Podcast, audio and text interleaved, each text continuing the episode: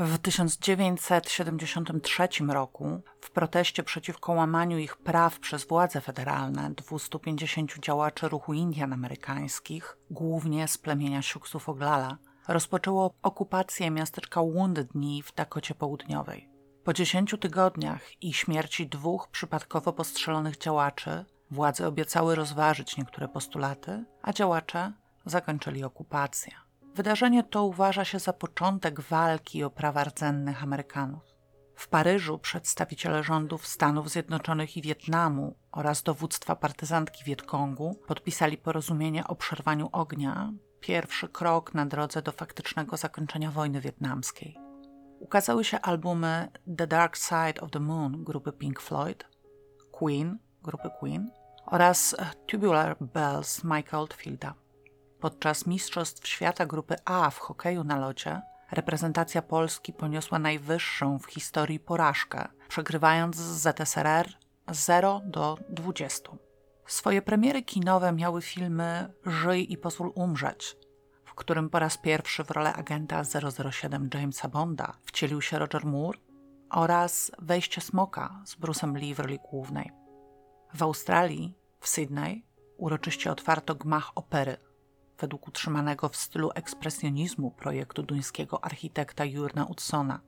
Gmach do dziś jest wizytówką miasta, a w 2003 roku został wpisany na listę Światowego Dziedzictwa UNESCO. W Sztokholmie podczas napadu na filię Kreditbanken napastnicy wzięli zakładników, których następnie przetrzymywali przez pięć dni.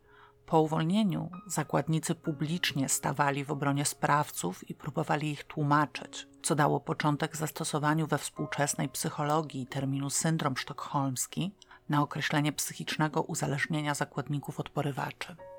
W 1973 roku w Polsce po raz pierwszy miała miejsce wolna sobota, a polskie radio rozpoczęło całodobowe nadawanie programów. Wprowadzono system kodów pocztowych i wmurowano akt erekcyjny pod budowę Instytutu Pomnika Centrum Zdrowia Dziecka w Międzylesiu.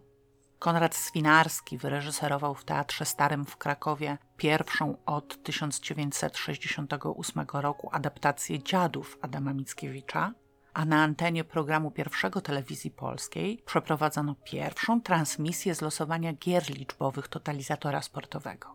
Zakończono produkcję samochodu osobowego Warszawa, za to z taśmy fabryki samochodów małolitrażowych w Bielsku Białej zjechał pierwszy egzemplarz Fiata 126P. Telewizja Polska nadała pierwszy odcinek serialu Czarne chmury. Kto nigdy nie słyszał przepięknej melodii z jego czołówki, proponuje zrobić sobie krótką przerwę i wygooglać.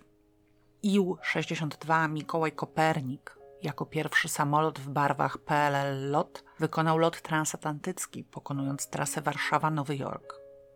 Zaledwie 7 lat później ten sam samolot, pokonując powrotną trasę Nowy Jork-Warszawa, rozbije się w fosie Fortu Okęcie, w wyniku czego zginie 87 osób. W 1973 roku do Jeleniej Góry włączono Goduszyn i Czarne, a w lipcu zapanowały nad nią niesamowite upały, które skutecznie wyludniły ulice miasta. Kto mógł, uciekał porzucając turystyczną atrakcję Kotliny Jeleniogórskiej, malowniczo rozpościerającą się nad rzeką Bubr. Niestety nie dotyczyło to dziennikarzy. W epoce przedinternetowej prasa zawsze musiała trwać na posterunku, dostarczając jak najświeższych i jak najbardziej pikantnych newsów. Adam Pierzchała, redaktor tygodnika Nowiny Jeleniogórskie, Posunął się nawet do tego, że zatelefonował na komendę milicji i zaczął wypytywać, czy milicjanci nie mieliby dla niego jakiegoś ciekawego tematu. Niestety dla Adama władza wykonawcza uważała, że obywatele powinni się cieszyć poczuciem bezpieczeństwa i żadne straszenie morderstwami czy wypadkami nie wchodziło w grę. Dni mijały, tematu nie było, aż wreszcie 31 lipca na biurko Adama trafił zaadresowany do redakcji anonimowy list. Nie pierwszy i nie ostatni. Obywatele lubili pod starannie wykaligrafowanym nagłówkiem uprzejmie donoszę informować prasę o nadużyciach, niegospodarnościach i o tym, kto kradnie, bo z uczciwej pracy na nowy samochód by nie zarobił. Ten anonim jednak był zupełnie inny. Zanim go wam przytoczę, przytrzymajcie mózgi, serio. Równymi drukowanymi literami już na pierwszy rzut oka zdradzającymi spore wyrobienie piszącego, głosił bowiem: Pisze do was morderca tysięcy ludzi, którzy nie wiedzą jeszcze, jaki los chce im zgotować. Oni jeszcze żyją, cieszą się latem, miłością, sukcesami, które osiągają, młodością, bądź też spokojną starością. Jestem młodym, niespełna 22-letnim człowiekiem, którego życie zamieniono w piekło. W piekło porażek, rozczarowań i upokorzeń. Mieszkańcy mego miasta są przyczyną tego wszystkiego. O, nie wszyscy, garstka zaledwie, lecz w myśl zasady odpowiedzą wszyscy za jednego. Zdaję sobie sprawę z tego, jak nieludzki, ohydny ma być mój czyn, ponieważ nic nie mam już światu do powiedzenia, oprócz słów pełnych jadu i nienawiści. Nic do ofiarowania. Chcę mu się zrewanżować w podobny sposób, w jaki on potraktował mnie rękami istot go zamieszkujących. Nie chodzi mi o sławę, nawet sławę niechlubną. Chcę pozostać w cieniu swej zbrodni. Tylko tak można bowiem nazwać wrzucenie do przepompowni miejskich wodociągów półtora kilograma czystego cyjanku. Napis na opakowaniu 50-kilogramowego pojemnika, w którym był przechowywany, brzmi cyjanuro di. Produkt pochodzi ze słonecznej Italii i z rządzeniem losu zgasi słońce w oczach tych, którzy w dniu 31 lipca odkręcą kurki swych kranów, aby zużytkować chłodną i orzeźwiającą wodę z podgórskich strumieni. Nadszedł w końcu czas, aby wyjawić nazwę miejscowości, chyba że stempel pocztowy wcześniej to zdradził. Otóż jestem mieszkańcem Jeleniej Góry i wy również padniecie ofiarą mego występku. Data jest oczywiście fikcyjna. Muszę liczyć się z tym, że będziecie walczyć o życie swoje i innych. W gruncie rzeczy nic nie macie, z wyjątkiem informacji, które celowo i dobrowolnie sam wam podsuwam. Mój plan polega bowiem na wywołaniu najpierw paniki, na postawieniu następnie na nogi całego aparatu służby bezpieczeństwa publicznego, a dopiero gdy nasycę swój zbrodniczy umysł efektami przeze mnie dokonanymi, dokonam dopiero swego zbrodniczego dzieła. Zginę również, lecz w tym wypadku sam o tym zdecyduję a nastąpi to dopiero wówczas, gdy nagłówki gazet z całego świata doniosą o moim czynie. Oczywiście bez podania nazwiska sprawcy całego kataklizmu. Dzień żałoby ludzi z tego kraju będzie równocześnie dniem mojego triumfu. Szkoda, że jedynego i ostatniego zarazem. Nie, nie o zakład czy o żart tu chodzi. To, co piszę, jest niestety smutną prawdą. Czy mój list przejdzie wobec tego bez echa i zostanie wrzucony do kosza? Czy też podjęte zostaną jakieś środki celem zapobieżenia katastrofie, nic nie zmieni stanu rzeczy. Obmyślałem miesiącami całą rzecz. Zaręczam wam, że wziąłem dosłownie wszystko pod uwagę. Na przykład to, że MO będzie usiłowało wykryć autora listu lub też zabezpieczyć całą sieć kanalizacji we wszystkich punktach, w których możliwy byłby podobny sabotaż. Ubytek trucizny również nie został i nie zostanie dostrzeżony, ponieważ ten ubytek uzupełniłem substancją o podobnych właściwościach fizycznych. Została ona zresztą już zużytkowana. Źródła, skąd pochodziła, ani czasu jej zaginięcia, również nikt nie będzie w stanie określić. Pozostaje Wam wobec tego tylko oczekiwanie na ponury finał mojej działalności. Biorąc pod uwagę wszystko, nie wykluczyłem też możliwości wyniknięcia obiektywnych przeszkód, które mimo wszystko nie pozwolą mi na wykonanie mego zamierzenia lub przynajmniej je opóźnią. Rozpatrzyłem szereg wariantów na wypadek takiej ewentualności, nie pomijając i nie lekceważąc najbłahszych nawet szczegółów. Konsekwentnie, z zimną, logiczną premedytacją wykonam swój plan. Plan unicestwienia życia na szczeblu wysoko zorganizowanej substancji białkowej to zemsta za to, co spotkało mnie od ludzi. Szkoda, że zniszczeniu ulegną również jednostki wartościowe, ale nie mam innego wyjścia. Moim powołaniem było do tej pory czynienie dobra. Rozczarowałem się jednak do życia. Znienawidziłem rodzaj ludzki, a gdy straciłem ostatnie złudzenia, moją obsesją stało się niesienie zła. Całe tomy mógłbym nasycić zwątpieniem, rozpaczą i bólem człowieka, którego zgubili ludzie. Z głębokiego humanizmu, którym przesiąknięta była moja jaźń, stworzyliście osobowość potwora. Najniższe instynkty doszły do głosu, aby przy pomocy zmobilizowanej do granic możliwości inteligencji, połączonej w dodatku z twórczą wyobraźnią, wybuchnąć eksplozją zła i nienawiści. Nieszczęsna ojczyzno, nie potrafisz widać pielęgnować swoich dzieci w sposób, na jaki one zasługują. Hołubisz tych, którzy nie są tego warci, podłych, nędznych egzystencjalistów. Odtrącasz zaś i skazujesz na wegetację takich, których racją by tu było i jest zachowanie człowieczeństwa, udowadnianie światu, że są świadomi i zasługują na miano homo sapiens. Czekajcie więc na to, co musi nastąpić, aby było przestrogą dla tych, co pozostaną, aby istnieć. Godzina sądu wybiła. Per aspera ad astra. Psychopata ciemności. Z jednej strony, po przeczytaniu tego cudu, mózgi niewątpliwie wypadają. Z drugiej, skóra cierpnie na myśl o tym, jak bardzo zaburzony musi być autor i do czego faktycznie jest się w stanie posunąć. Adam Pierzchała nie czekał. Po przeczytaniu listu natychmiast pobiegł z nim do redaktora naczelnego. Ten zadecydował, że pismo musi trafić do milicji. Redakcja Nowin Jeleniogórskich znajdowała się na szczęście w bezpośrednim sąsiedztwie komendy miejskiej, więc już po kilku minutach Adam wręczył dyżurnemu anonimowy list. Sprawę odnalezienia autora listu początkowo powierzono porucznikowi Kazimierzowi Angielskiemu i porucznikowi Stefanowi Saczkowskiemu, jednocześnie jednak przekazano drogą służbową do komendy wojewódzkiej informację o jego otrzymaniu. Na skutek tego już po kilku godzinach przybyła do Jeleniej Góry delegacja milicjantów z Wrocławia. W jej skład wchodzili kapitan Stefan Jędrzejczak z pionu trzeciego Komendy Wojewódzkiej zajmującego się działalnością antypaństwową, kapitan Bolesław Rudawski z Wydziału Śledczego i porucznik Ewa Martyna z Wydziału Kryminalnego.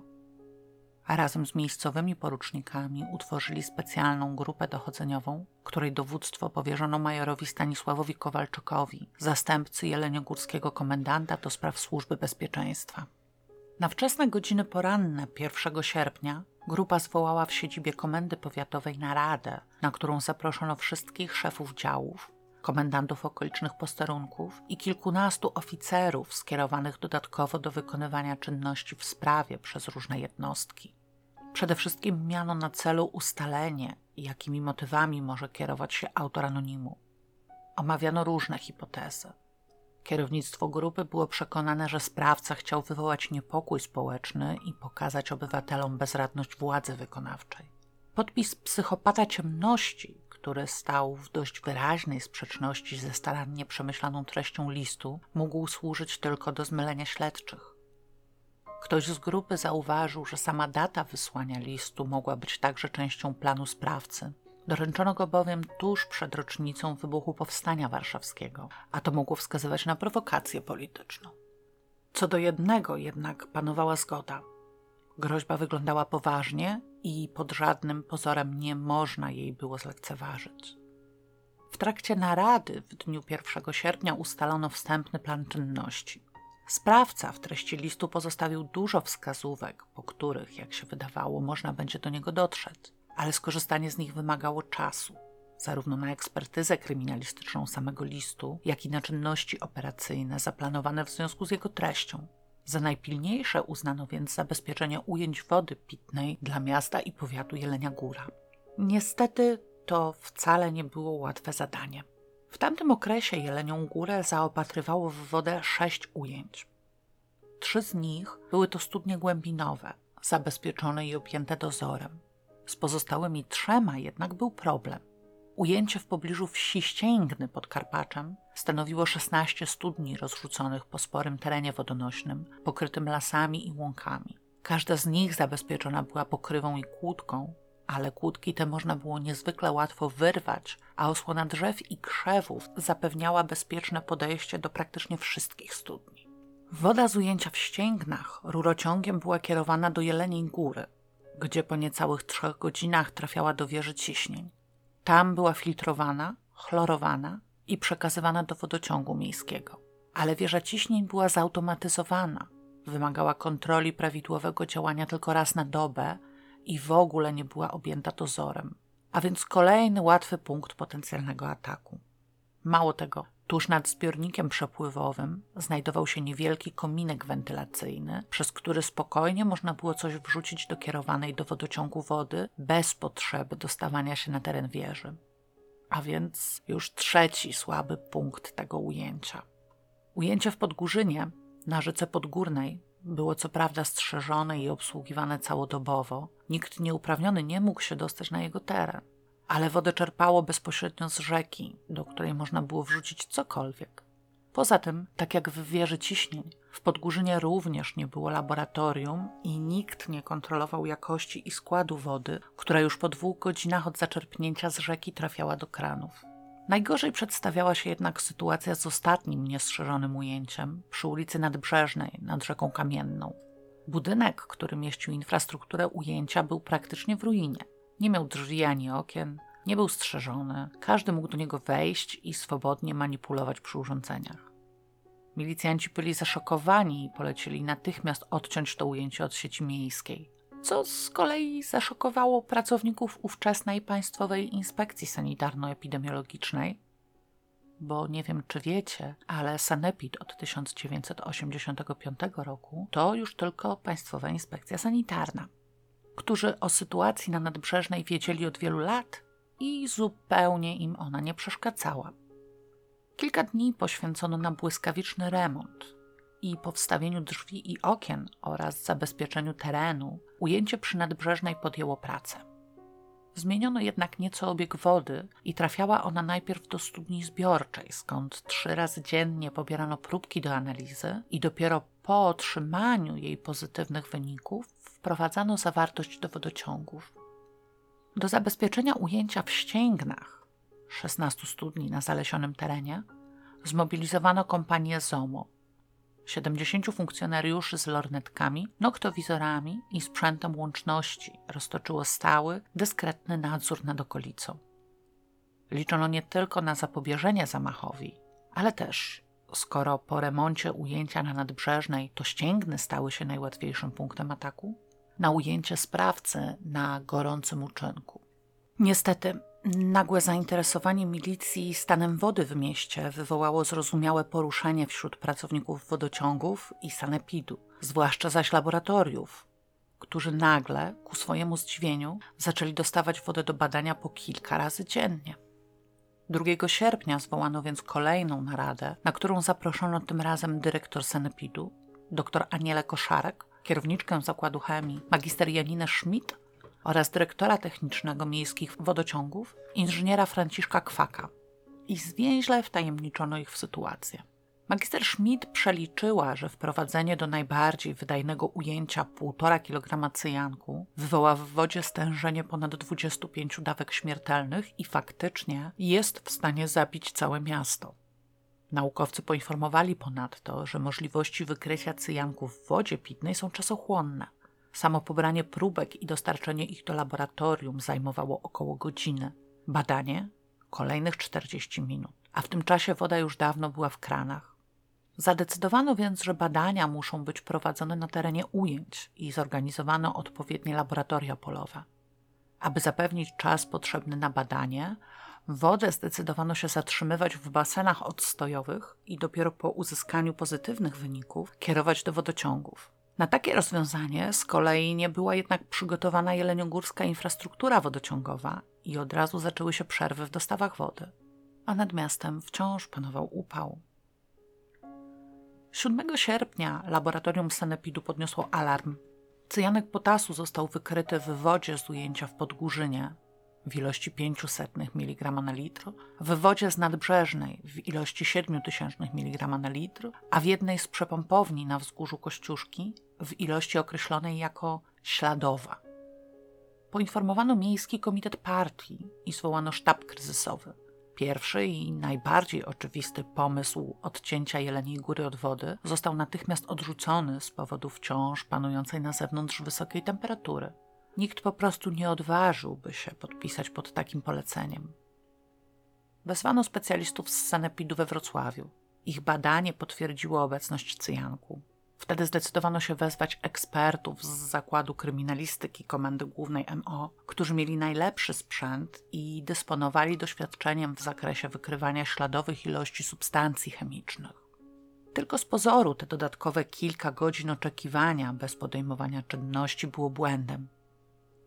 Jak się okazało, dwie niezależne ekipy badawcze z Sanepidu, które wcześniej badały próbki, pomyliły się. Biegli z Wydziału Fizykochemii stwierdzili, że przedstawione próbki były zupełnie czyste. Laboranci Sanepidu popełnili błąd. wyniki ich badań były niższe niż dolna granica czułości testów, których używali. Dodatkowo jedna z warszawskich ekspertów, podporucznik Renata Zarzecka, dokonała jeszcze raz obliczenia stężenia cyjanku możliwego po wrzuceniu do wodociągów 1,5 kg. Według niej przy dawce śmiertelnej 120 mg do kranu pojedynczego odbiorcy mogło dotrzeć 4,51 mg cyjanku, co mogło spowodować najwyżej biegunkę. I to niezbyt ciężko. Prawdopodobnie to nerwowa atmosfera narady w komendzie z 2 sierpnia spowodowała błąd w obliczeniach. Poza tym licząca wtedy kierownik sanepidowskiego zakładu chemii, magister Janina Schmidt, nie wzięła pod uwagę faktu, że zarówno dwutlenek węgla, jak i chlor używane do uzdatniania wody neutralizują działanie cyjanku. Na skutek tego całkowicie nieuzasadnionego alarmu zaczęto więc mocniej chlorować wodę. Ale już następnego dnia 8 sierpnia w Pijawniku, potoku przepływającym przez dopiero co przyłączone do Jeleniej Góry Czarne, odkryto ławice śniętych pstrągów. I tym razem pierwsze badanie wykazało obecność cyjanku, wezwano więc na miejsce ekspertów Zakładu Kryminalistyki, którzy na szczęście jeszcze nie opuścili miasta. Jak się możecie domyśleć, nie odkryli śladu cyjanku ani w wodzie, ani w rybach. Stwierdzili za to, że przyczyną ich śmierci były ścieki spuszczone do pijawnika przez pobliski PGR. Dzięki temu badaniu ustalono także, że woda zanieczyszczona rybim białkiem może dawać fałszywie dodatni wynik testu na obecność cyjanku, a więc znaleziono prawdopodobną przyczynę wcześniejszych błędnych wyników. Eksperci z Warszawy otrzymali rozkaz pozostania na miejscu i przejęcia badań od dwukrotnie skompromitowanego sanepidu. Ponieważ jednak było ich zbyt mało w stosunku do ilości dostarczanych codziennie próbek, zdecydowano się poprosić o współpracę wyspecjalizowane laboratoria zakładów Polfa i Celwiskoza, które przejęły większość testów. Nie na długo jednak. Eksperci Wydziału Fizykochemii wystąpili bowiem z propozycją usprawnienia całego procesu, którą tak naprawdę zainspirowały nieszczęsne pstrągi z pijawnika. Otóż skoro wiadomo było, że stężenie cyjanku zupełnie obojętne dla człowieka natychmiast zabije rybę, postanowiono ustawić przy filtrach wody akwaria ze słonecznicami, niewielkimi rybami występującymi dość powszechnie w okolicznych rzekach. Do wodociągu kierowano wodę dopiero po przepłynięciu przez akwarium – w razie śmierci ryb można było natychmiast odciąć ujęcie, w którego filtrze nastąpiła i przystąpić do szczegółowych badań. Wydawać by się mogło, że skoro ujęcia wody zostały wreszcie zabezpieczone, a nad jej czystością dodatkowo czuwał zespół sprawdzonych specjalistów, zapanuje wreszcie spokój i grupa specjalna będzie mogła przystąpić do czynności dochodzeniowo-śledczych. Niestety nie. Spragniona nowin prasa zwróciła uwagę na przyjazd funkcjonariuszy z Warszawy, niezwykłe poruszenie w siedzibie sanepidu i wzmożony ruch radiowozów na mieście i zaczęła węszyć za tematem. W obawie przed przeciekiem ze śledztwa i wywołaniem przez prasę paniki zdecydowano w dniu 9 sierpnia powierzyć całość śledztwa funkcjonariuszom z Wrocławia. Ściągnięto dodatkowych 20 oficerów milicji ISB, z których utworzono sześć zespołów. Funkcjonariusze z Jeleniej Góry zostali zdegradowani do szeregowych zadań, tak aby mieli jak najmniej informacji o całości śledztwa. Z powodu reorganizacji grupy dochodzeniowo-śledczej nastąpił też ponowny podział jej zadań. I tak pierwszy zespół śledczy miał się zająć ustaleniem źródła, z którego sprawca mógłby zdobyć niebagatelną ilość 1,5 kg cyjanku. Drugi w oparciu o kilka lat wcześniejsze doświadczenia ze sprawy wampira Zagłębia zbierał jego możliwe cechy psychologiczne, tworząc ówczesny odpowiednik profilu nieznanego sprawcy przestępstwa. Trzeci zespół prowadził czynności operacyjne w środowiskach przestępczych, narkomańskich i homoseksualnych. Czwarty szukał dokumentów zawierających próbki pisma zbliżone do tego, jakim sporządzono anonim, piąty zaś nazywany eksperckim, opracował instrukcję zbierania próbek pisma do badań porównawczych i dokonywał oceny dostarczanych materiałów. Zespół szósty zbierał informacje od pozostałych i odpowiadał za przygotowanie raportu. Do poszukiwań zaangażowano także aparat Jeleniogórskiej Służby Bezpieczeństwa, który uruchomił swoich tajnych współpracowników, przede wszystkim w zakładach pracy wykorzystujących substancje niebezpieczne. Dodatkowo wszystkich milicjantów pełniących funkcje dzielnicowych zaangażowano do typowania potencjalnych sprawców spośród znanych sobie mieszkańców. Zaraz po zabezpieczeniu ujęć wody za najistotniejsze uznano ustalenie możliwości zdobycia cyjanku. Już 3 sierpnia przygotowano listę 19 zakładów z Jeleniej Góry i powiatu, w których używano cyjanku. Znalazły się na niej innymi zakłady Polfa i Celwiskoza, Huta Kryształów Julia, Jeleniogórskie Zakłady Papiernicze, Jeleniogórskie Zakłady Optyczne oraz Spółdzielnia Elektromechaniczna imienia Fryderyka Engelsa. Po wstępnym sprawdzeniu okazało się jednak, że większość z tej dziewiętnastki posiada niewielkie ilości cyjanku, nie przekraczające kilograma. Przystąpiono zatem do szczegółowego sprawdzania tych zakładów, które miały większe zapasy. Polfa posiadała niebagatelne 200 kg, spółdzielnia Engelsa 150. Blado na tym tle wypadła Celwiskoza ze swoimi 58 kg i Huta Julia z zaledwie 32. Sporo czasu poświęcono na ustalenie, czy w Celwiskozie faktycznie przed rokiem komisyjnie zniszczono 50 kg cyjanku. Śledczy mieli bowiem co do tego wątpliwości. Na szczęście fakt zniszczenia udało się potwierdzić. Przełom w śledztwie stanowiło sprawdzenie spółdzielni imienia Engelsa. Okazało się bowiem, że cyjanek był tam wykorzystywany w procesie galwanizacji, czyli nanoszenia metodą elektrochemiczną cienkiej powłoki metalowej, np. z niklu, kadmu lub złota, na przedmioty wykonane z zupełnie innych metali. Proces ten był jednak wykonywany nie tylko w spółdzielni. Galwanizowało różne przedmioty kilkanaście innych zakładów państwowych i przynajmniej drugie tyle prywatnych. Funkcjonariusze nie mieli o tym pojęcia i po rozpytaniu pracowników spółdzielni z przerażeniem stwierdzili, że w całym mieście mogło być nawet kilka ton substancji niebezpiecznych, o których nie mieli dotąd wiedzy. Przystąpiono zatem do kontroli wszystkich zakładów państwowych wykonujących galwanizację, także tych, które nie zgłosiły nigdzie użycia cyjanku. I niemal w każdym z nich ujawniono nieprawidłowości przede wszystkim polegające na niestarannym prowadzeniu dokumentacji i zbyt łatwym dostępie do magazynów dla osób postronnych. W dwóch przypadkach stwierdzono kradzież trucizny. W pierwszym pracownik ukradł cyjanek, aby otruć psy sąsiadów. Od początku był podejrzany, ale dopiero kiedy okazało się, jak mógł tego dokonać, sprawa trafiła do sądu. W drugim przypadku pracownik zabrał tylko małą ilość trucizny i wciąż miał ją w domu, a zapytany przez milicjantów zupełnie nie potrafił wyjaśnić, czemu to zrobił. Sprawdzenie zakładów prywatnych okazało się natomiast pracą godną Syzyfa. Trucizny były w nich magazynowane w sposób sprzeczny z jakimikolwiek przepisami, a często nawet zagrażający zdrowiu i życiu. W pewnym, na szczęście nieczynnym zakładzie mechanicznym przy ulicy Pijarskiej milicjanci i pracownicy sanepidu musieli się wycofać, ponieważ w niewielkim pomieszczeniu znajdowało się kilkadziesiąt kilogramów różnych substancji. Część pojemników była uszkodzona i nieznany biały proszek leżał wprost na podłodze, część nie miała nawet opisów, a w pomieszczeniu unosił się drażniący zapach chemikaliów. Brak wentylacji lub dostęp do cyjanku każdego pracownika wystąpiły w dosłownie każdym zakładzie prywatnym. Nie znalazł się ani jeden, do którego kontrolujący nie mieliby zastrzeżeń.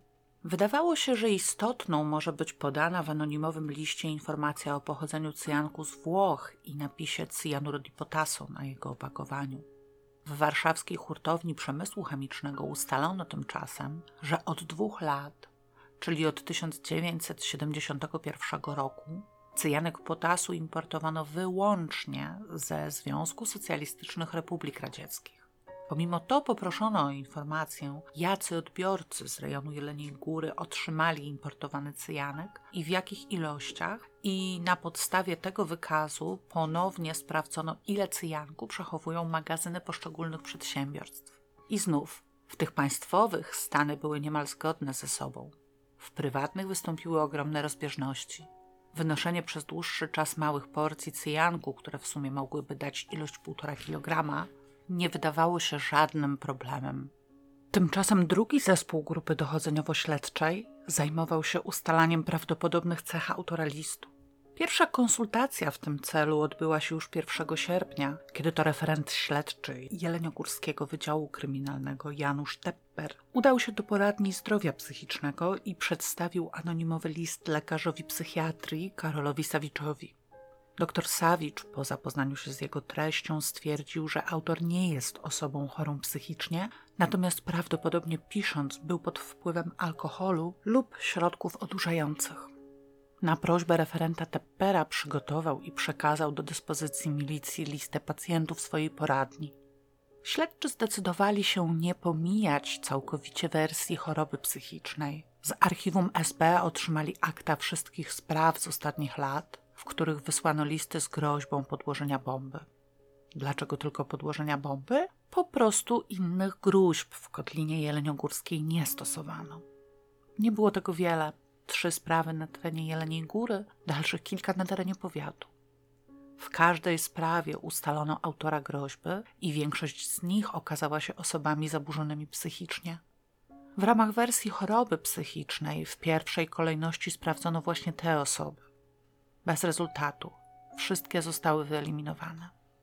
Anonimowy list z 31 lipca przekazano ekspertom do spraw badania pisma z Komendy Głównej MO. Stwierdzili oni, że autor ma od 24 do 40 lat i co najmniej średnie, a być może nawet niepełne wyższe wykształcenie techniczne.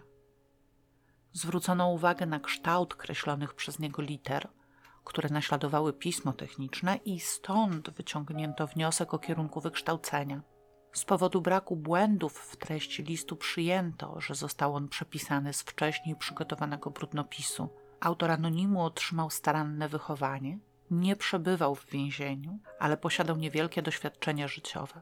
Miał za to wiedzę na temat możliwych zastosowań cyjanku potasu, ale także struktury i działań MO i SB oraz pewną znajomość języka prawniczego, co mogło wzbudzać niepokój. Należało wziąć pod uwagę wersję, że autorem listu może być były tajny współpracownik lub osoba, która uważa się za skrzywdzoną przez organy władzy wykonawczej. Zwrócono także uwagę na wyraźną fascynację autora listu samym mechanizmem zbrodni, co mogło sugerować zaburzenia maniakalne. Z całą stanowczością uznano jednak, że osoba, która podpisała się jako psychopata ciemności, psychopatą w znaczeniu klinicznym nie jest. Inspirację do zatrucia wody najprawdopodobniej zaczerpnął z książki lub z filmu. Na podstawie tych cech eksperci do spraw badania pisma stwierdzili, że autorem listu może być osoba przeżywająca konflikt frustracyjny z tytułu niepowodzeń w pracy bądź w innych sytuacjach życiowych, może się ona wywodzić ze środowiska hipisów, narkomanów, homoseksualistów, będących pod wpływem środków halucynogennych lub w okresie przeżywania stresu. Autorem anonimu może być zarówno osoba wywodząca się z grona byłych pracowników lub tajnych współpracowników SB i MO, jak też osoba przebywająca czasowo w sanatorium lub na wczasach w rejonie Jeleniej Góry, która z sobie znanych przyczyn sporządziła i wysłała anonim. Autorem może być również osoba wywodząca się ze środowiska studenckiego, inteligenckiego, co można było wnosić z przytoczonej łacińskiej maksymy per aspera ad astra, czyli przez cierpienie do gwiazd, którą autor mógł zaczerpnąć z podręcznika Schola Latina, wydanego w 1953 roku. Jak sami widzicie, to znaczy słyszycie, panowie i panie eksperci nie powiedzieli właściwie nic. A nawet w tym, co powiedzieli, były błędy, bo w żaden sposób nie wyjaśnili, dlaczego przyjmują, że autor listu musi być starszy niż 24 lata, skoro w jego treści wyraźnie napisał, że ma lat 22. Znacznie lepiej poradzili sobie funkcjonariusze zespołu trzeciego, którzy badali cechy pisma autora anonimu. Ekspertów z tej dziedziny sprowadzono do miasta 3 sierpnia. Niestety nie wiem z jakiej jednostki, Treść listu była jednak tak obfita, że eksperci ci musieli szybko przeszkolić kilku dodatkowych funkcjonariuszy grupy śledczej, aby ci samodzielnie mogli wybierać próbki do dalszej analizy w oparciu o istotne cechy pisma. Uzyskany w ten sposób materiał dowodowy w pierwszym rzędzie porównano z próbkami pisma byłych i obecnych tajnych współpracowników SB, ze szczególnym uwzględnieniem tych, z którymi współpracę zakończono z powodu dekonspiracji lub małej przydatności. W następnej kolejności badano dokumenty uczniów, którzy w ciągu ostatnich kilku lat nie zdali matury.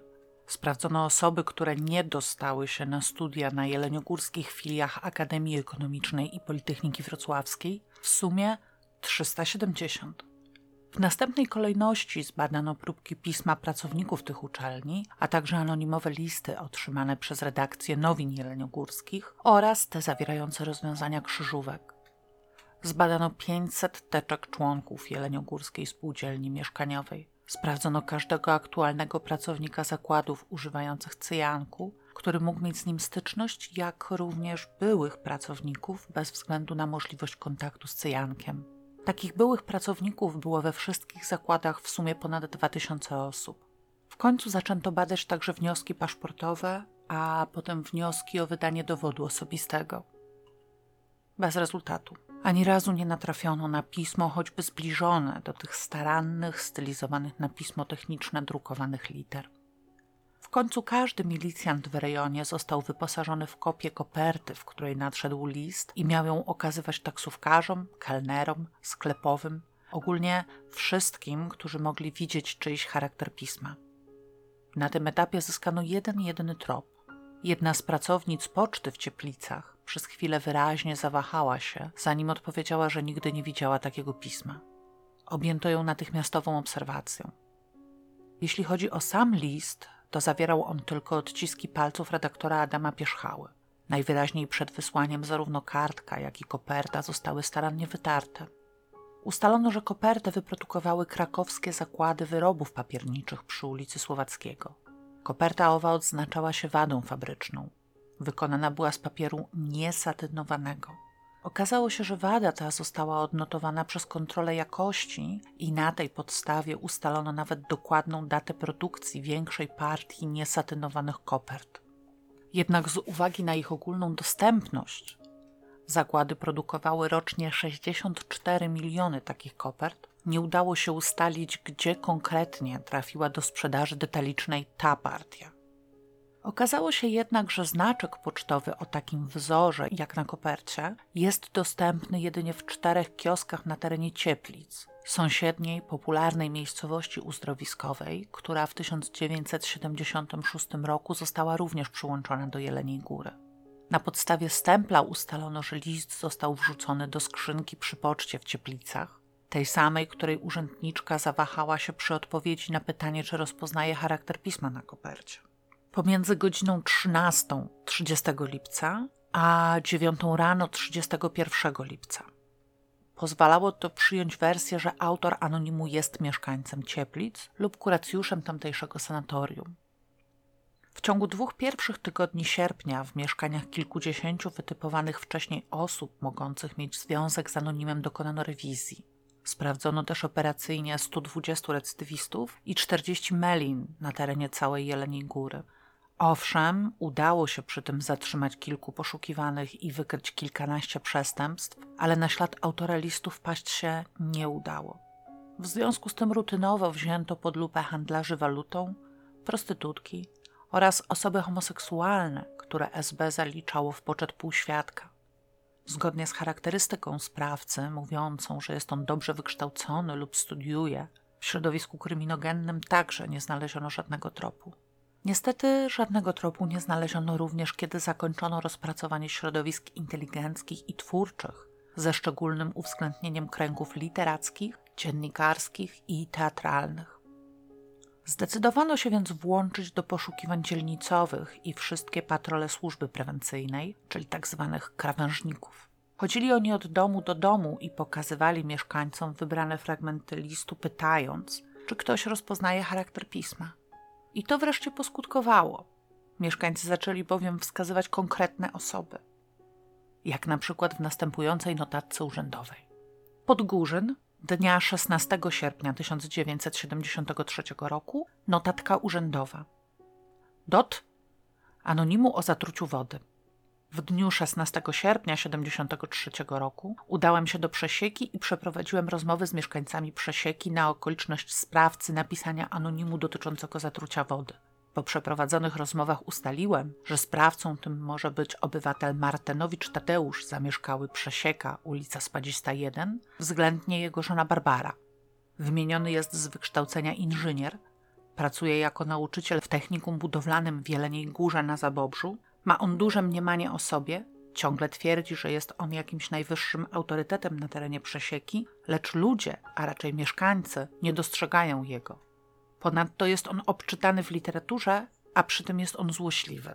Wobec powyższego może on być autorem powyższego anonimu. Sporządził kapral Marian Sokal. Zainteresowanie życzliwych sąsiadów wzbudzili nie tylko Tadeusz Martynowicz z małżonką. Posterunkowy ze starej kamienicy nadesłał notatkę, w której informował, że jego zdaniem chodzi o obywatela Matysiaka, bo to psychopata. Ktoś podejrzewał obywatela Murawę, pracownika zakładów Karelma w Piechowicach, ktoś inny Zbigniewa Boznańskiego, ponieważ ten był konfliktowy i uważał, że ludzie go nie rozumieją.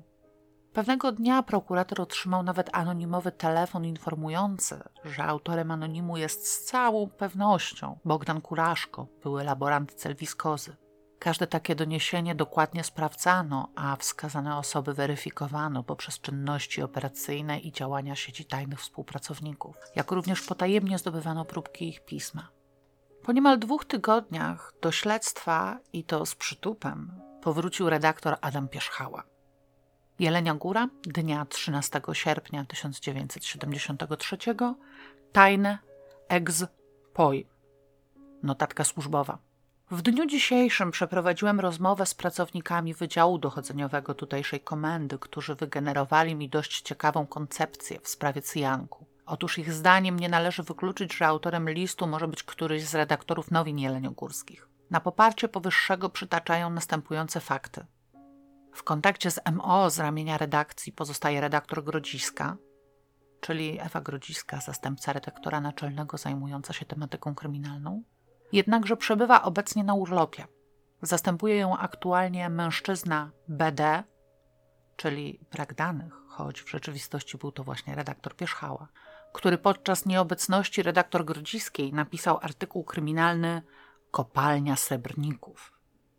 Na 3-4 dni przed wysłaniem listu przez sprawcę autor WW artykułu dzwonił do naczelnika Wydziału Dochodzeniowego, czy nie mają jakiejś sensacyjnej sprawy, którą mógłby opublikować w nowinach. Otrzymał odpowiedź negatywną.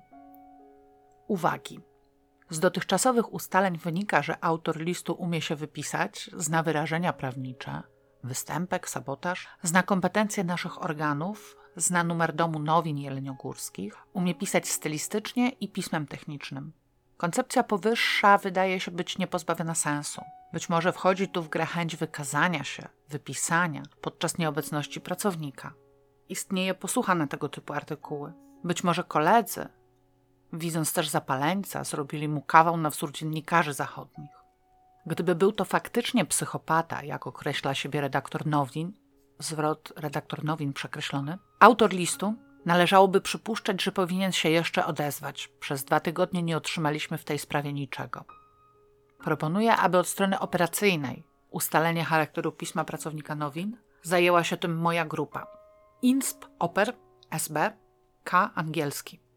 Gdyby pan angielski spytał mnie, Powiedziałabym, że podejrzenia wobec Pierzchały można by powziąć raczej z powodu braku na liście odcisków palców innych niż jego, a nie telefonowania na komendę w poszukiwaniu tematu. No ale ja nie byłam, na szczęście, insp oper SB.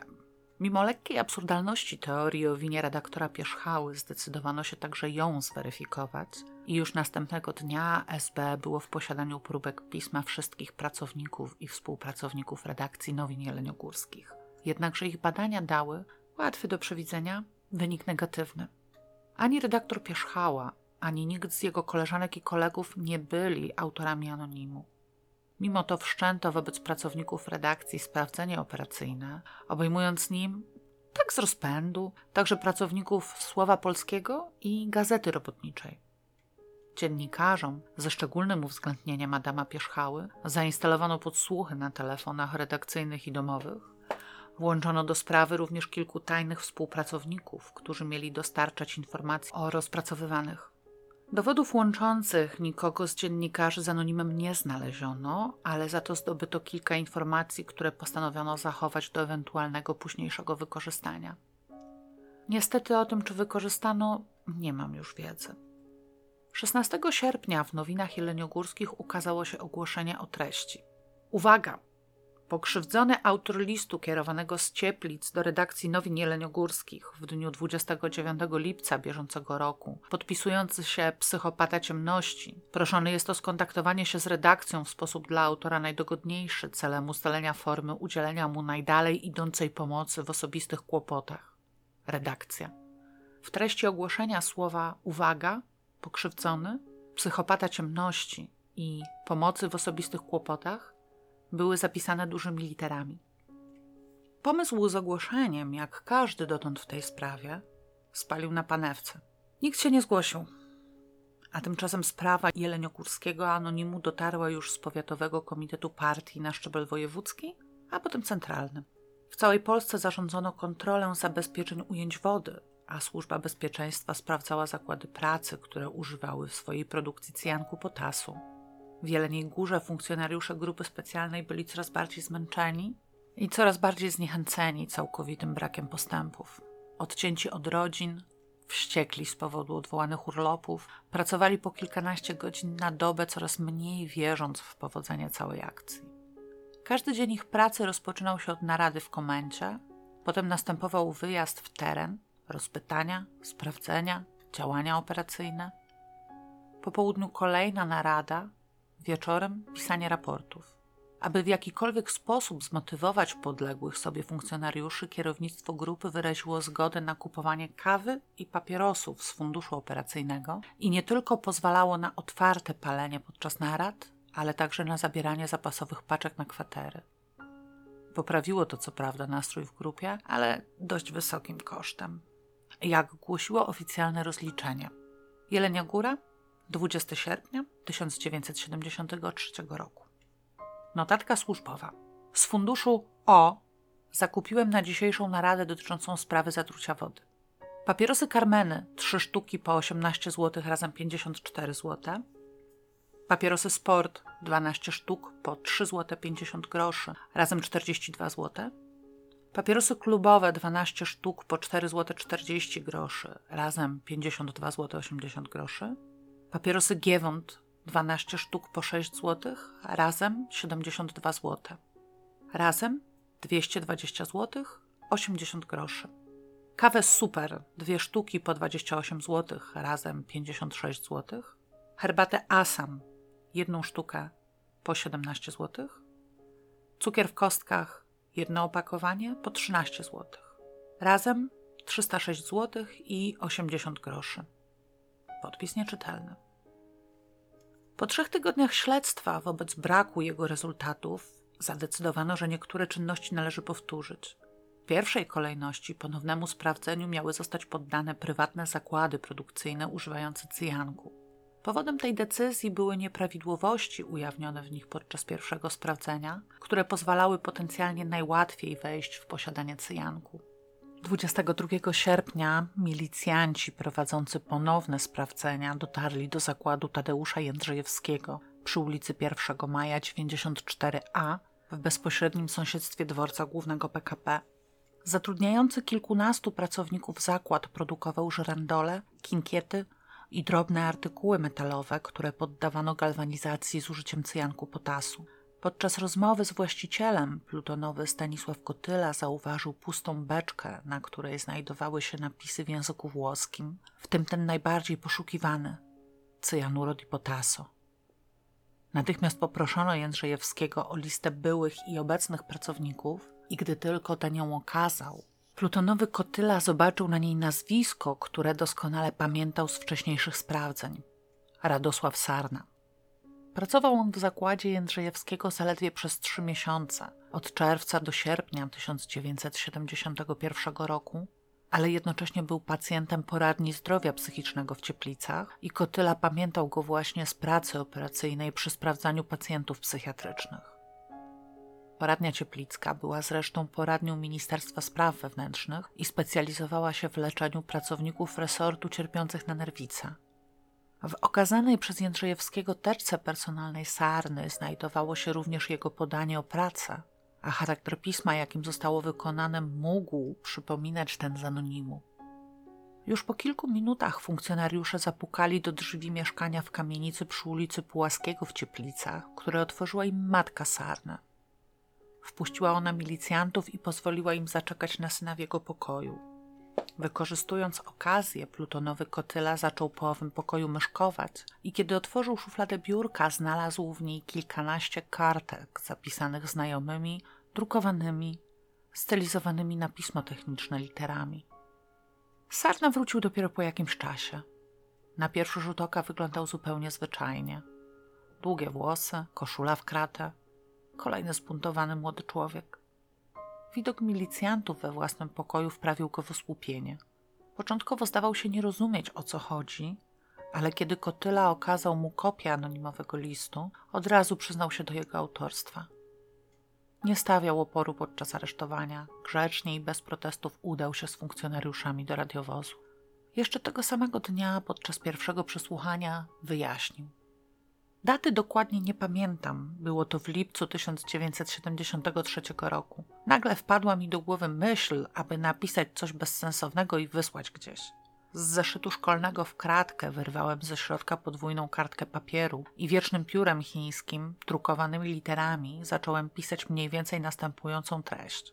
Groziłem, że jestem w posiadaniu jednego lub półtora kilograma cyjanku potasu i że zatruję nim wodę w wodociągach miejskich. Nie napisałem, że mam cyjanek potasu, tylko że mam dostęp do cyjanku, pota dostęp do cyjanku potasu, że przywłaszczyłem sobie półtora kilograma tej trucizny i że teraz mam zamiar wrzucić ją do miejskich wodociągów, aby zemścić się na ludzkości z tego powodu, że nienawidzę ludzi, bo doznałem od nich krzywdy.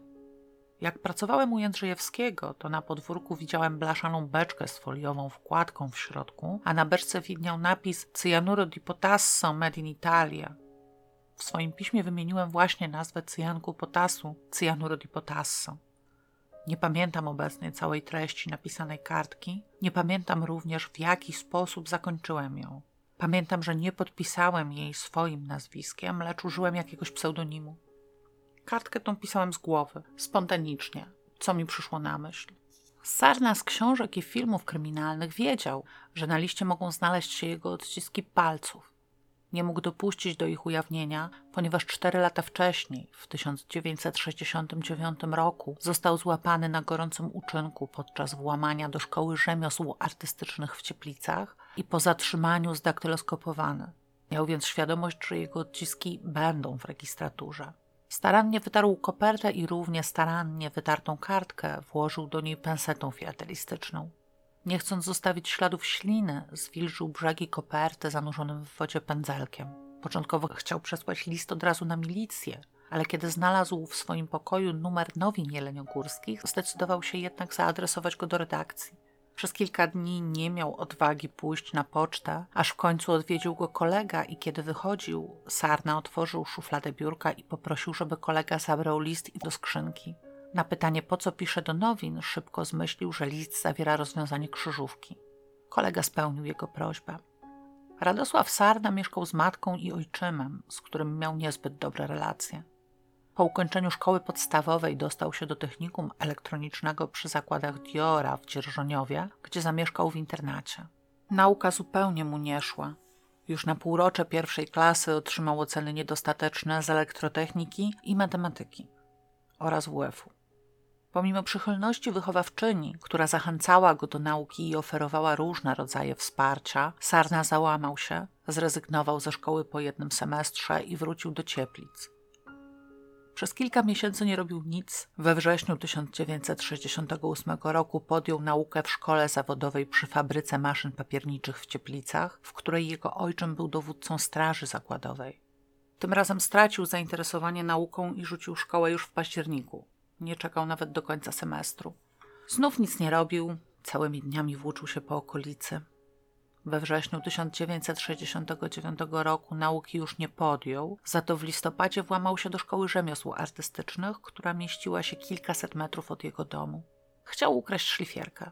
Trafił do aresztu, gdzie przebywał do czasu wydania wyroku, który skazywał go na dwa lata pozbawienia wolności w zawieszeniu. Po wyroku wyszedł na wolność i znów nic nie robił i znów prawie przez rok. W końcu znalazł pracę pomocnika stolarza w spółdzielni zabawkarskiej Zorka, ale wytrzymał w niej cztery miesiące. Zwolnił się z uwagi na zbyt niskie zarobki. W czerwcu 1971 roku znalazł pracę u Jędrzejewskiego Rodi Potasso. Postanowił podjąć jednak naukę i w sierpniu rzucił tą pracę. Pech, nie znalazł szkoły, która by mu odpowiadała i znów włóczył się bez celu po mieście. W lutym 1972 roku podjął kolejną pracę w stolarni Miejskiego Zarządu Budynków Mieszkalnych, ale porzucił ją w maju, ponieważ koledzy dowiedzieli się, że był karany, więc wstydził się spojrzeć im w oczy. Matka wyprosiła przyjęcie go na kurs kierowców w powiatowym sztabie wojskowym, ale został zatrzymany do wytrzeźwienia w areszcie i kiedy milicja poinformowała o tym sztab powiatowy, wyrzucono go z kursu. Po ponownych prośbach matki przyjęto go z powrotem, ale on już nie chciał uczestniczyć w kursie, bo się wstydził kolegów, którzy wiedzieli o zatrzymaniu. W grudniu 1972 roku wciąż nieuczący się i niepracujący Sarna otrzymał powołanie do wojska. Został skierowany do jednostki obrony terytorialnej kraju w Gliwicach i ponownie wyjechał z domu. 14 lutego 1973 roku wracał z przepustki. W pociągu relacji Jelenia Góra-Wrocław poznał kilku kolegów, którzy następnego dnia mieli się stawić w tej samej co on jednostce. Poborowi ucieszeni spotkaniem i nową znajomością kupili na wrocławskim dworcu kilka butelek wódki i tak zaopatrzeni wyruszyli do Gliwic.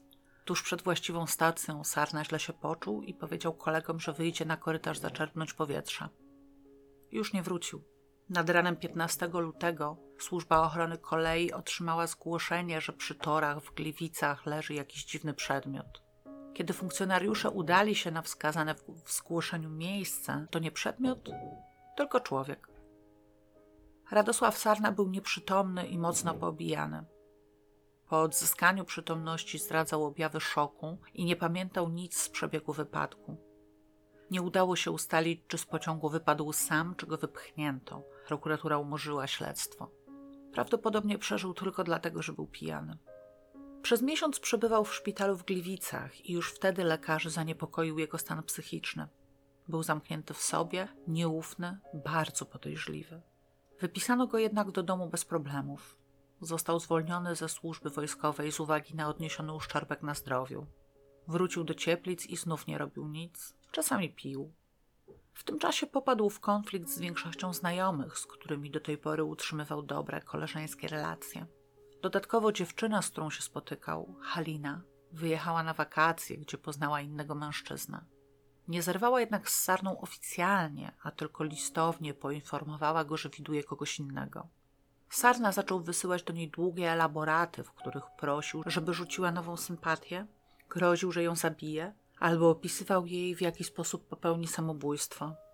Zamykał się w swoim pokoju i całymi godzinami pisał listy nie tylko do Haliny, do różnych osób. Podczas czynności w jego pokoju zabezpieczono m.in. list takiej treści.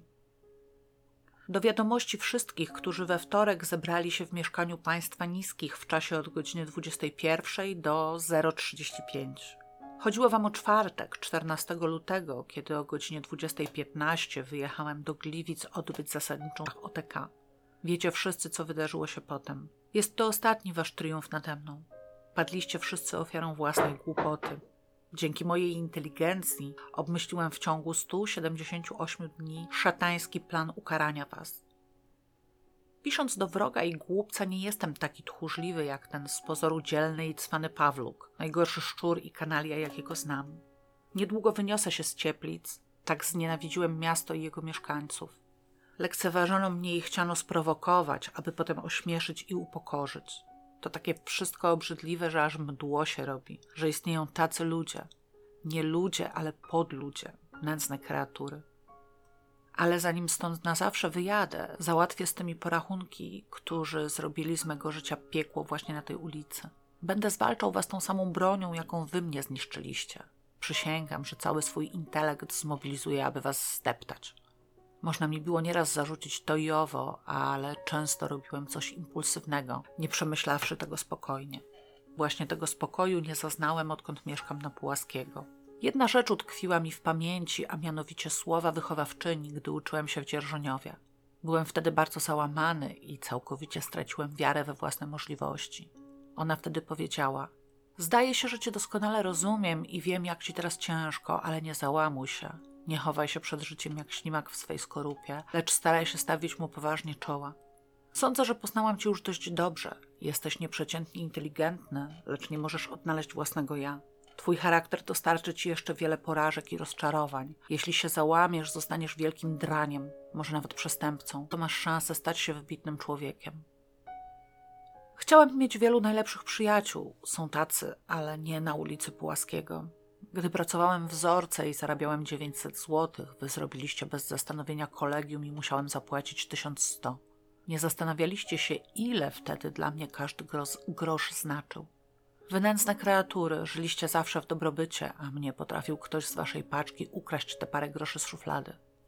Cierpliwie czekałem, pisałem pamiętnik. Tam są wszystkie wasze winy zapisane.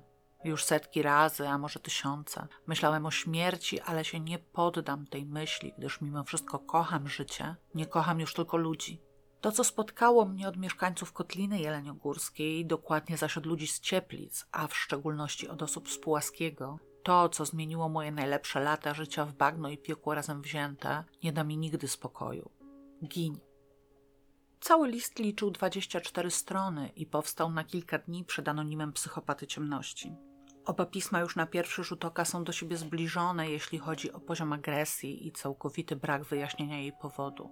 Sarna mnóstwo miejsca poświęca swoim krzywdom, ale ani razu nie pisze, jakie zachowania sąsiadów z Pułaskiego za krzywdzące uważał. Wydawać się mogło, że musiał działać pod wpływem urojeń, najpewniej o podłożu schizofrenicznym. Niestety, na wniosek matki został poddany badaniu psychiatrycznemu i lekarze stwierdzili u niego jedynie objawy psychopatii dystemiczno-histerioidalnej.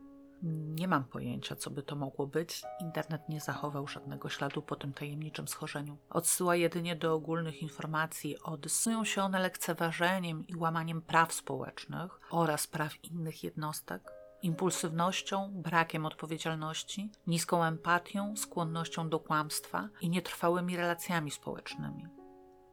Opis ten zdaje się dość dobrze pasować do Radosława Sarny, ale w żaden sposób nie odnosi się do kwestii jego rzekomych krzywd. Wydaje się, że cała ta kwestia została przez lekarzy potraktowana dość pobieżnie, ponieważ w ostatecznej konkluzji stwierdzili oni, że sarna nie cierpi ani na chorobę psychiczną, ani na niedorozwój umysłowy, ani na żadne inne zakłócenia, które znosiłyby lub ograniczały w znacznym stopniu jego zdolność rozpoznawania znaczenia zarzucanego czynu. Nie wiem niestety, czy badanie psychiatryczne Sarny było jednorazowe, czy odbywało się w warunkach obserwacji sądowo-psychiatrycznej. Wobec stwierdzenia poczytalności Radosława Sarny, akt oskarżenia w jego sprawie został złożony do Sądu Wojewódzkiego we Wrocławiu w listopadzie 1973 roku. Do akt sprawy załączono nawet listy z groźbami, które Sarna wysyłał swojej byłej dziewczynie Halinie. Na wniosek prokuratora sąd zrezygnował z powoływania świadków, którzy złożyli już zeznania w postępowaniu przygotowawczym. Proces był więc wyjątkowo krótki. Już 3 stycznia 1974 roku Sarnę skazano na rok i 6 miesięcy więzienia. Matka Sarny, Teresa Tischler, po kilku miesiącach od wyroku w sprawie syna osobiście pojechała do redakcji tygodnika Prawo i Życie w Warszawie. Szukała dziennikarza, któremu mogłaby coś opowiedzieć. Skierowano ją do redaktora Janusza Racki. Już po pierwszym on wrażenie, że kobieta jest nie tyle zdenerwowana, co znerwicowana. Mimo wszystko postanowił zająć się jej sprawą i po kilku dniach pojechał do Cieplic. W mieszkaniu przy ulicy Pułaskiego nie zastał jednak Teresy, a sąsiedzi poinformowali go, że wyjechała, mówiąc, że popełni samobójstwo. Z pomocą sąsiadów i znajomych rodziny udało się redaktorowi Racko zrekonstruować całą historię Teresy i jej syna. Otóż początkowo mieszkali oni w przytulnym mieszkaniu na parterze małego domku. Piętro zajmowała rodzina mężczyzny, który był alkoholikiem. Pewnego dnia obie rodziny, decyzją administracyjną, zostały przekwaterowane do jednego trzypokojowego mieszkania przy ulicy Pułaskiego. Każda z rodzin otrzymała do wyłącznej dyspozycji jeden pokój, pozostałe pomieszczenia były wspólne. Współlokator z okazji przeprowadzki wcale jednak nie przestał pić i wciąż pomiędzy jego rodziną a Teresą i jej synem wybuchały awantury. Radosław znosił je wyjątkowo źle. Teresa Tischler próbowała zdobyć inne mieszkanie. Pisała pisma, wydeptywała ścieżki do komitetów partii, prosiła o pomoc dziennikarzy bez skutku. W końcu, kiedy Radek był już w ósmej klasie, znalazła pracę w Czechosłowacji i wyjechała, żeby zarobić na kupno nowego mieszkania dla rodziny. Radek został z ojczymem, panem Tischlerem, z którym nigdy nie miał dobrych relacji. Kiedy matka zniknęła z pomiędzy nich z dnia na dzień, Radek załamał się i trafił na obserwację do poradni zdrowia psychicznego. Nie stwierdzono u niego choroby psychicznej, ale stwierdzono, że jego zainteresowania mocno wykraczają poza wykształcenie i zalecono zmianę środowiska. Niestety nie udało się tego załatwić, czyli poprzez przejście do szkoły średniej. Radek musiał jeszcze na trochę wrócić do ósmej klasy, ale wiadomość o jego pobycie w, w wariatkowie dotarła tam przed nim i stał się ofiarą znęcania ze strony rówieśników. Prawdopodobnie prześladowania w szkole podstawowej były także powodem jego załamania w pierwszej klasie technikum w Dzierżoniowie i dalszych kłopotów z nauką oraz braku zainteresowania szkołą. W 1970 roku, tuż po wyjściu z aresztu w sprawie o włamanie i usiłowanie kradzieży, znalazł się w szpitalu psychiatrycznym już jako regularny pacjent. Wówczas zdiagnozowano u niego socjopatię i zaburzenia osobowości, których skutkiem był brak zrozumienia relacji społecznych. Pomimo tej diagnozy Radek nie został skierowany na terapię lub po prostu jej odmówił. W każdym razie nie otrzymał pomocy. Jego stan zaczął się wyraźnie pogarszać. Popadał w coraz więcej konfliktów, zaczął nadużywać alkoholu. W opinii środowiskowej, sporządzonej w 1973 roku na potrzeby śledztwa, określono go już jako jednostkę aspołeczną. W rzeczywistości Radosław Sarna był człowiekiem o ponadprzeciętnej inteligencji, niezwykle przy tym oczytanym. Niski poziom jego wykształcenia w żaden sposób nie oddawał faktycznego zasobu intelektualnego. Czytał specjalistyczne pisma, literaturę piękną, a zdarzało się, że i encyklopedię. Czytał głównie nocami, ponieważ cierpiał na bezsenność. Do znajomych, na których mu zależało, opisywał także nocami długie listy. Czasem zdradzał w nich, że zdaje sobie sprawę z własnych zaburzeń i wie, że nie zachowuje się normalnie. Wolał napisać do kogoś niż z nim porozmawiać i prawdopodobnie z powodu tej nieumiejętności komunikacji w areszcie, gdzie dzielił ciasną celę z obcymi mężczyznami, z którymi z konieczności musiał rozmawiać, był dla niego gehenną. Po opublikowaniu artykułu o Sarnie w Prawie i Życiu, redaktor Radzko wciąż pozostawał w kontakcie ze swoimi bohaterami. Wiedział, że w 1976 roku, już po zakończeniu odbywania kary pozbawienia wolności, Sarna był kilkukrotnie hospitalizowany psychiatrycznie, w tym co najmniej raz po poważnej próbie samobójczej, z której go odratowano. W 1977 wysłał do milicji dwa listy, w pierwszym anonimowo informował, że niejaki Radosław Sarna dokonuje włamań na terenie Cieplic. W drugim, po kilku dniach, przyznał się do wysłania pierwszego listu, ale także, że włamania do szkoły rzemiosła w 1969 roku dokonał wraz z kolegą, któremu udało się uciec, a teraz pomagał mu przy kolejnych włamaniach. Sarna w liście stwierdzał, że nie chce już tego robić i dlatego informuje o wszystkim milicję, ale nie uznano tego za okoliczność łagodzącą i ponownie otrzymał wyrok pozbawienia wolności. Z zakładu karnego wysyłał pełne rozpaczy listy do prokuratora i ministra sprawiedliwości, ale wszystkie pozostały bez odpowiedzi. W końcu napisał do redaktora Radzki i przynajmniej jemu udało się spowodować kolejne badanie psychiatryczne Sarny. Tym razem biegli stwierdzili, że osadzony cierpi na schizofrenię. Ich zdaniem już od 1966 roku, a choroba pogłębiła się z powodu urazu czaszki doznanego podczas wypadku kolejowego. W 1978 roku Radzko napisał kolejny reportaż, tym razem dla magazynu Ekspres Reporterów. Tego Sarna był chory psychicznie, ale również jego matka, Teresa Tischler. Po drugim reportażu kontakt dziennikarza z Teresą i jej synem urwał się. Otrzymał tylko informację, że wyjechali oni z Cieplic. W 2010 roku w sprawie psychopaty ciemności pojawiły się nowe, interesujące informacje. Dziennikarz nowin jeleniogórskich Grzegorz Koczubaj dotarł do emerytowanego milicjanta Stanisława Kotyli, który w 1973 roku dokonał aresztowania Sarny oraz do również emerytowanej pracowniczki nowin Alicji Niedźwieckiej. Wyszło na jaw, że to ona otrzymała i przekazała milicji anonim o zatruciu wody, a Adam Pierzchała przypisał to sobie prawdopodobnie w celu odwrócenia uwagi od faktu, że przez jakiś czas był podejrzany w sprawie. Również w kwestii aresztowania Sarny redaktor Koczubaj odkrył drugą wersję. Otóż według wydawanych przez MSW problemów kryminalistyki, Kotyla wcale nie rozpoznał napisu cyjanuryt i potasu na beczce i nie otrzymał za ujęcie sprawcy awansu i nagrody finansowej. To funkcjonariusze przeglądający wnioski w biurze dowodów osobistych znaleźli charakter pisma pasujący do anonimu, a Kotyla tylko dokonał aresztowania pod ustalonym adresem. Także w przechowywanych przez IPN aktach nie było ani słowa o rozpoznaniu beczki. W 2012 roku Przemysław Semczuk, zbierając materiały do swojego zbioru pod tytułem Czarna Wołga, trafił do, jak sam opisał, czystego, malowniczego miasteczka tuż przy zachodniej granicy Polski. Znalazł tam właściwy dom, który według niego wyglądał jednak na zupełnie niezamieszkany. Miał zapadnięty dach, zabite deskami okna, ze ścian był kompletnie dzikim i zachwaszczonym ogrodem.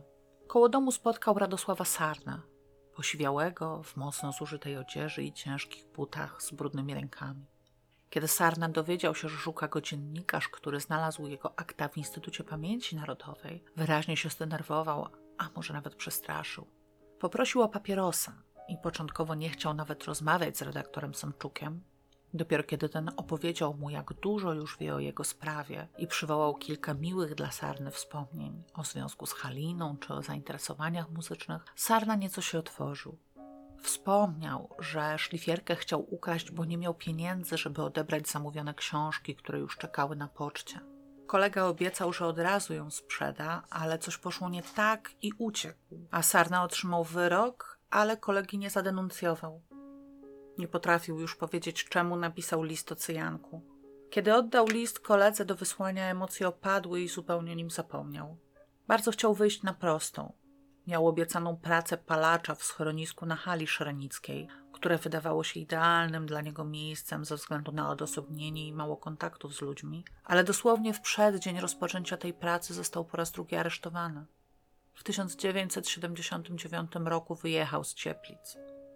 Trafił do tej wsi, gdzie wszystko jest naszpikowane elektroniką, a oni wciąż go obserwują. Gdy przechodzi z izby do izby, to na ulicy zawsze rusza samochód. W sumie dobrze, że jednak nie został palaczem na hali szrenickiej, bo już by nie żył. Miał zginąć w wybuchu kotła. Ale opatrzność czuwała i wciąż ma to pod kontrolą. Jeszcze wszyscy zobaczą, bo sam napis wszystkich zaskoczy. A w ogóle to, gdy nie ma kawy i papierosów, jest mu bardzo ciężko i dopada go depresja. Przemysław Semczuk był pod niezwykłym wrażeniem tej rozmowy. Jak napisał, Sarna mówił spokojnie, starannie dobierając słowa, i gdyby nie wiedział, że ma skończone tylko osiem klas szkoły podstawowej, przypuszczałby, że rozmawia z magistrem. Aby kontynuować rozmowę, redaktor Semczuk obiecał przywieźć więcej papierosów, ale kiedy po pół godzinie wrócił, zastał zamknięte drzwi. Choć było słychać, że Radosław Sarna jest w środku, drzwi nie otworzył. Kawa i papierosy zostały na progu.